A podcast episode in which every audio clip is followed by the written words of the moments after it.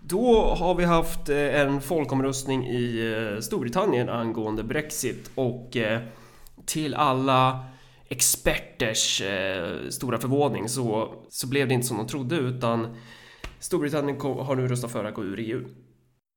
Ja, precis. Och det här är väl väldigt intressant. Det här har orsakat otroligt stora mm, många tårar från liberaler och liknande runt om i världen om vi säger så. Däribland våran alldeles egna Peter Wolodarski som har tagit det här otroligt hårt av allt att döma. Ja. Uh, om vi ska gå in på det finns ju mycket man kan säga om just det här med Brexit. Alltså det, det, det är ju en fråga som, som snuddar vid som, så mycket av samtidspolitik på något sätt. Men om vi ska försöka fokusera på just de här geopolitiska aspekterna. Eller vad man ska säga. Ja, alltså vi hade väl tänkt att tala i det här avsnittet. Vi får se lite grann hur upplägget blir. Men vi hade tänkt först att tala om liksom, vad är det som har hänt? Vad kommer att hända? Liksom? Vad innebär det här i praktiken? Och sen så kommer vi väl att försöka göra någon politisk analys ovanpå det lite ja. längre fram. Men okej, okay. Brexit, en sak som har röstats för nu. Och nu går man ju inte ur. Det här är ju en sorts politisk skilsmässa och skilsmässor sker ju inte direkt på en handvändning så, utan det är ganska mycket förhandling som, som måste komma till först. Uh, så den första saken som kommer att hända är väl någon sorts artikel 50 liksom förhandlingar som tar väldigt lång tid. Men frågan är, vem är det som vill, vem är det som från den brittiska sidan som vill hålla på och förhandla? För det första som hände efter den här omröstningen var ju att Cameron avgick. Han sa att han kommer att sitta kvar i 90 dagar tills Tories nya kongress där man väljer en ny partiledare. Men han kan inte hålla på och vara den som ska ta Storbritannien ur eh, EU. Nej. Och här har vi alltså en sån där situation där politikerna avslöjar sig inte som ondskans genius som gör saker eller låter saker hända eller inte hända på grund av att det finns någon masterplan. Utan det här är ju nu har vi sett att den politiska klassen i Storbritannien från höger till vänster är totalt jävla clueless. Har ingen, trodde inte att den här sidan skulle vinna. Mm. Så nu är det verkligen så att det finns riktigt ingen som har en bra plan för hur man ska ta sig vidare härifrån. Men likt förbannat så står man ju där när man nu har, har drivit igenom det här. Så det, det är ju svårt att backa från den grejen. Ja. Det blir ju problem lite hur man än gör från deras sida. Ja, men precis. Tories kommer nu ha någon sorts ledarstrid där Boris Johnson är överlägsen favorit, men det är inte helt garanterat att han kommer att vinna.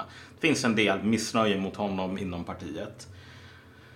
Eh, men det intressanta är ju vad som har hänt med Labour nu. För direkt efter också det här resultatet så började ju det höras röster inom Labour att det här är allt, allt är Corbyns fel och nu måste vi avsätta Corbyn. Han måste få kicken. Samma personer som typ trodde att det var lika otänkbart att Corbyn skulle bli partiledare som det var att eh, Storbritannien skulle rösta för ett EU-träde. Det vill säga man tänkte att det här kommer aldrig hända och så hände det, båda sakerna liksom. Eh, de tycker nu att det är Corbyns fel.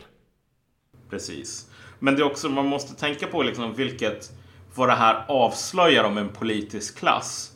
Uh, Labour är ju ett sånt där parti som i alla fall formellt inte är ett heldraget sånt här parlamentariskt parti utan det är ju fortfarande partiets bas, medlemskara som väljer partiledarna direkt.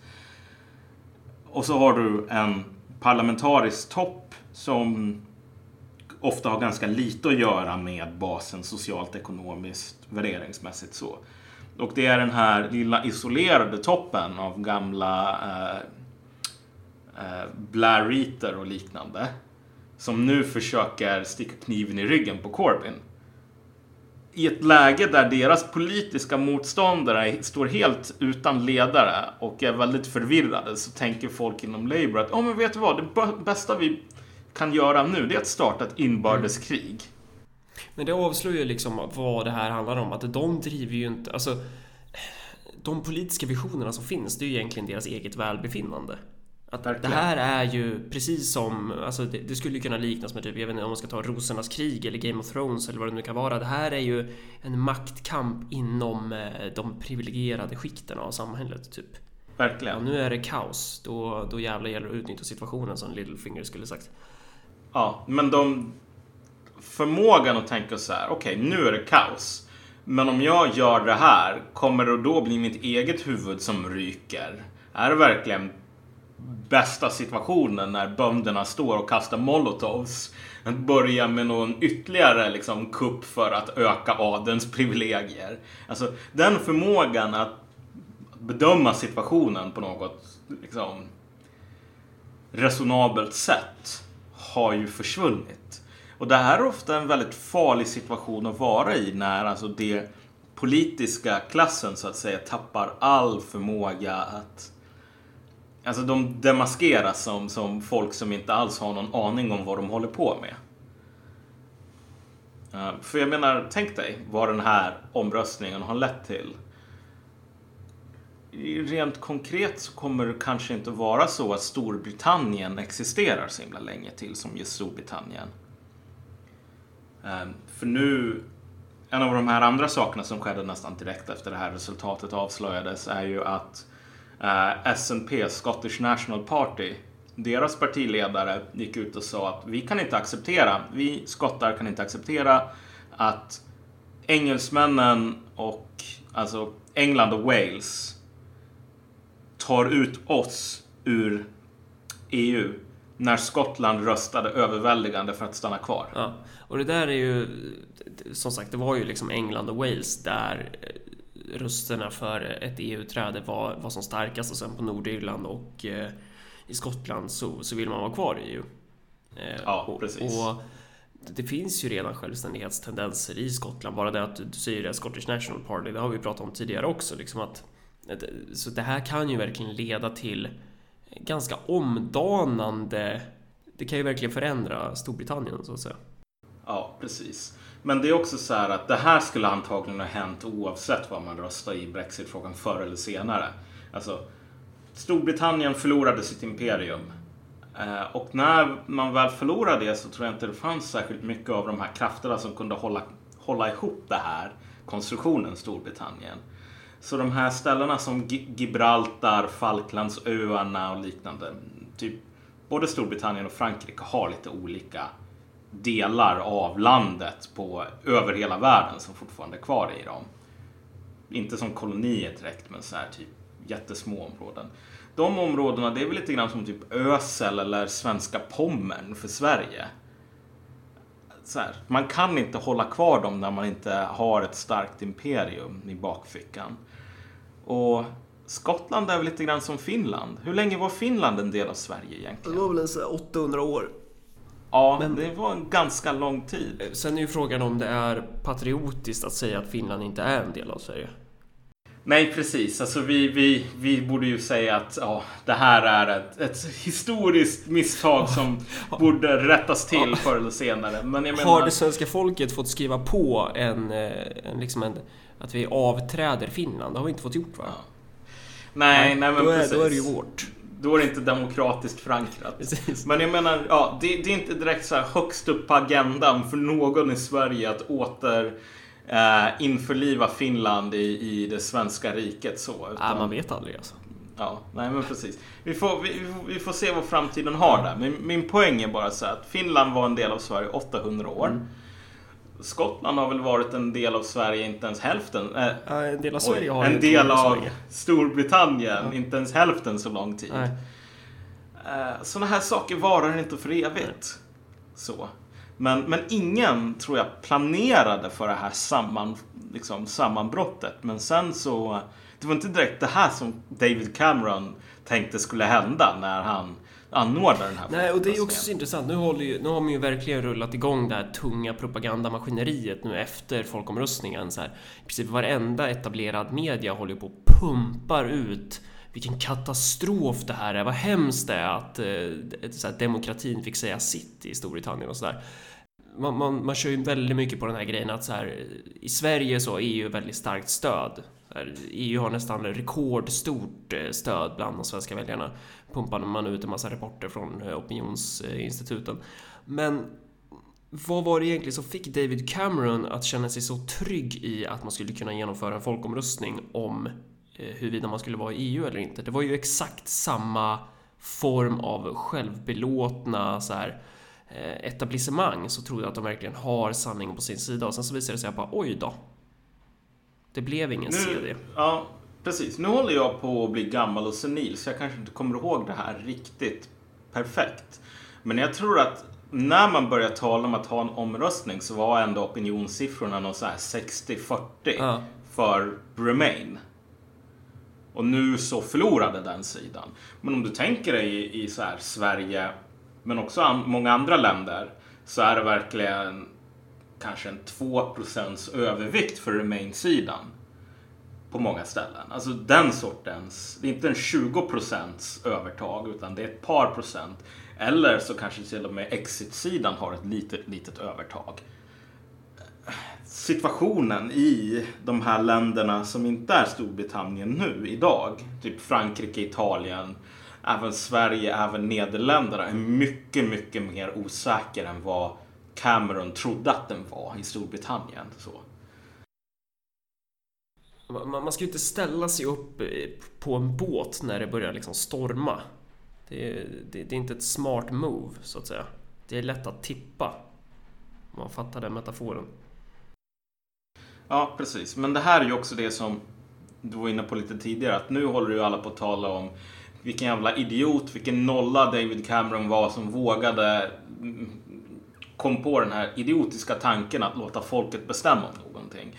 Och jag tror att det som du kommer att se nu, det är en jävla blitz för att se till så att ingen kommer att ha chansen att ska starta en sån här folkomröstning mm. eller någonting i den stilen. Från EUs sida då alltså? Ja, för ingen kan längre vara säker på att den egna sidan, rätt sida, kommer att vinna. Det har ju varit Europeiska Unionens problem redan från dess början, liksom att man, eh, det här jävla jobbiga folket som står i vägen svenskt fördrag. Eh, och det slår mig när man kollar på diverse vänsteristers argumentation över så här deras dogmatiska eh, fetisch gällande det som de kallar för internationalism. Man, man fattar liksom inte att även nationer har ju olika materiella intressen beroende på hur produktionen är utformad. Man, ja, man, man, förstår inte det här med att det finns de facto olika nationella intressen. Ja, och speciellt i ett läge där sättet som EU drivs på idag ja. är ju främst för Tysklands intressen. Ja. Alltså hela EMU är ju någonting som Tyskland Möjligen Nederländerna, möjligen, möjligen, möjligen Sverige i någon mån. Även fast Sverige inte är en del av mm. EMU. Men alltså, ett par länder tjänar på det här. Men ett, många andra länder, Frankrike, Italien, Grekland, Spanien, Portugal. Mm. De förlorar på det här. Mm. Så att hålla på och tala om, jo men vi är alla samma sak, vi är alla samma sak. Det är alltid lätt för någon som kan skratta hela vägen till banken. Ja. Att säga, ja men vi är alla samma sak. Speciellt när han skrattar på andras bekostnad. Ja. Men det här är ett samarbete som inte är hållbart i längden. Om, om det faktiskt i praktiken inte är ett samarbete utan är en, en relation av exploatering och liksom offerskap. Ja, så. Det är det som är grejen, att Europeiska unionen är ju en union som är sprängfylld av motsättningar, interna motsättningar. Precis. Eh, och det är ju så här, det spelar ingen roll hur många gånger man liksom försöker trycka ner det där locket på den där kokande kitteln igen. Oavsett om det handlar om att kväva folkvilja eller eh, olika ekonomiska intressen som inte går i linje med eh, det enda riktiga intresset. Så alltså det funkar ju inte. Ja. Nej men alltså den senaste, senaste nära missen var ju i Österrike där en person från Jörg Haides parti, vad nu de heter, FPÖ, ja. kom ett par jätte, jättenära att bli näst, landets nästa president. Men sen efter det, det är val i Spanien ganska snart. Antagligen så kommer det inte att få någon fungerande regering av det heller. Men på demos har alltså ersatt vad heter det här gamla partiet? Eh, PSOE. Partido liksom. Socialista, bla bla bla, i Spanien. Alltså Ja. sossarna. De, sossarna i Spanien, de är döda. Ja. Det är som PASOK ungefär. Och jag vet inte vad Podemos kommer att göra. Det är få andra som vet det heller. Men det är ju, visar ju bara på den här osäkerheten. Beppe Grillo går det ganska bra för i Italien. Mm. Det går sämre och sämre för de här etablissemangspartierna. Och Marine Le Pen är ett allvarligt, allvarligt, allvarligt hot. Eh, I ett läge där Hollande och de franska socialisterna Alltså Hollande har ju den mest impopulära regeringen i Frankrike någonsin. Det, det har ju inte vi pratat någonting om, men det pågår ju massiva, alltså massiva demonstrationer i Frankrike just nu. Ja. Med, med så här, alltså enorma kravaller och det är ju så här i en väldigt hög grad. Nu, nu är man ju van vid det när det gäller just Frankrike. Det är ju ofta demonstrationer där, men nu är det ju verkligen lite utöver det vanliga. Det ju, man har ju inte läst så mycket om det i svensk media heller för den delen. Eh, Men det är ju alltså då demonstrationer från fackförbunden främst då, mot den här sosseregeringen. Dog du nu eller? Sorry, jag var bara tvungen att skriva en sak på tangentbordet. får du väl klippa bort Okej. så. Eh, men jo, precis, du har helt rätt. Eh, och alltså det finns... Dit vi vill komma här är ju bara att de som säger nu måste vi hålla tät, täta skott här. Ja. Brexit, så stort problem som det var, var inte orsaken till all den här instabiliteten. Och Brexit, oavsett om det blev det eller inte, så skulle instabiliteten inte avta. Den, den, den, har, den har inte att göra med några dumma människor i, i Storbritannien eller någonting. Den har bara att göra med sättet som EU är felkonstruerat på och de klassintressena, de allvarliga konflikterna som finns. Någonting händer Det är något stort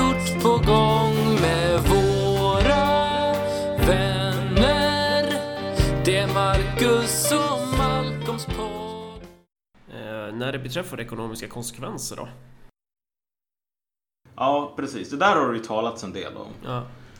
Och direkt efter det här beskedet så skedde det ju ett riktigt helvetes jävla börsras. Det var ju väldigt många som var Tycker också är så intressant i media när man skriver om alla de här som har förlorat miljoner i aktier. Man bara, men vadå alla som har förlorat miljoner i aktier? Det är ju så här, återigen så visar det ju sig vi- vilka det är som verkligen förlorar på det här om man säger så.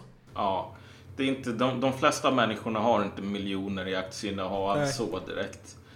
Eh, De har inte tur nog att kunna förlora miljoner i aktier. Precis. Men apropå att förlora miljoner i aktier. Det intressanta här, det här är ganska talande för vår framtid, är att det största börsraset skedde inte i Storbritannien. Det skedde i typ Italien. Eh, Italien och Spanien tror jag det var. Vilket på många sätt illustrerar att det här är de, den svaga länken i Europa idag. Italien, Spanien, deras banksystem så. Eh, vilket Storbritannien inte kan skyllas för, återigen. Men för Storbritannien så kommer nog det här att leda till ganska tråkiga ekonomiska konsekvenser förr eller senare. Konsekvenser som kanske var oundvikliga egentligen och inte gick att förhindra. Därför att eh, Storbritanniens ekonomi, i alla fall Englands ekonomi, så. En stor del av den här ekonomin består ju av äh, pappersexerciser i City of London. Alltså byta värdepapper liknande. Eh, och den delen av ekonomin dominerar ju den brittiska politiken på många sätt. Alltså intressena för bankerna i City of London är tusen gånger viktigare för en brittisk politiker än folk i avfolk- någon avfolkningsort typ. Ehm, och den här dominansen för London som ett finanscentrum i Europa den kommer nog att avta. Du- ser redan nu hur Span äh, Frankrike och Tyskland försöker sno mycket av den här kakan. Flytta över den till Paris eller Frankfurt. Och det kommer de väl säkert att lyckas med, med tids nog i alla fall.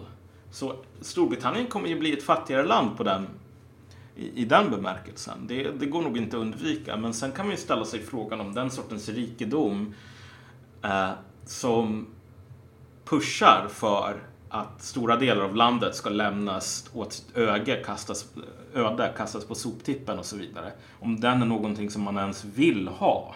Typ. Om det är ett hållbart sätt att bygga ett land på. Ja, alltså det är väl lite som att hålla i en, i en tickande bomb på något sätt. Ja, ja men precis. Alltså förr eller senare skulle man vara tvungen, tvungen att göra sig av med den.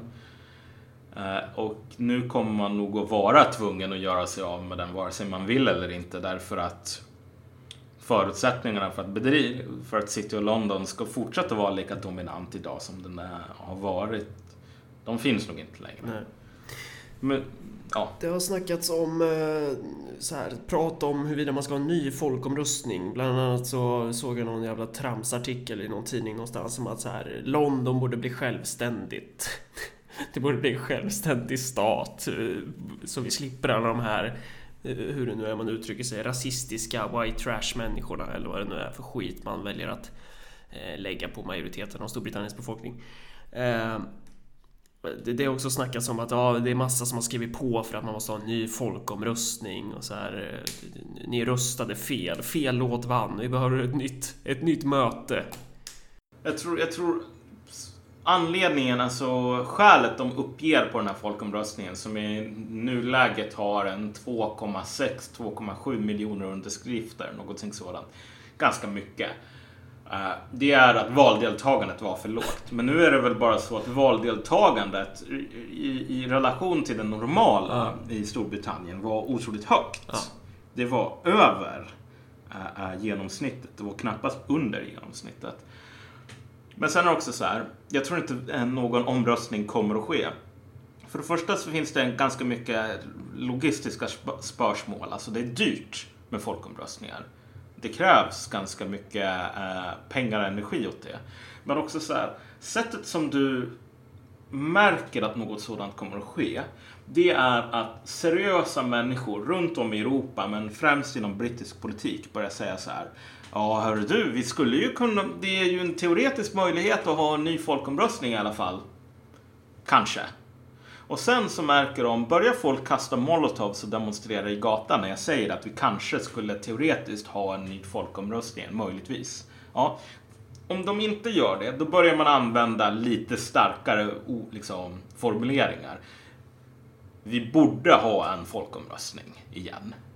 Och kommer inga molotovs då, då säger man vi ska ha en. Alltså, vad är den engelska termen för det här, den här metoden? Jag tror att man talar om trial balloons. Man skickar upp testballonger i media för att se hur folk reagerar och sen om de inte reagerar negativt, då kör man vidare. Jag tror inte det finns något intresse bland etablissemanget att faktiskt ha en ny folkomröstning därför att den skulle nog inte lösa så himla många problem. Det är nog ganska troligt, alltså jag skulle väl sätta chansen på typ 60-40 eller någonting att om det blev en ny folkomröstning så skulle Remain-sidan vinna. Du tror det alltså? Mm. Ja, det tror jag. Jag tror att den skulle kunna mobilisera mycket fler människor. Och, eh, den har mer pengar, den har mer möjlighet att få folk att rösta. Å andra sidan Så. så skulle ju det här öppna upp för en möjlighet att ännu hårdare kunna trycka på det här med ja, kolla, vad etablis- kolla hur etablissemanget agerar. De, eh, Ja. de hatar er, de vill inte ha demokrati och sådär. Nej, Precis. jag, jag lägger mina pengar på Brexit. Fan, jag borde fan bettat på det här alltså. Ja. Nej, nej men alltså jag, jag tror att Remain skulle kunna vinna. Men det är också så här att, du vet, såna här...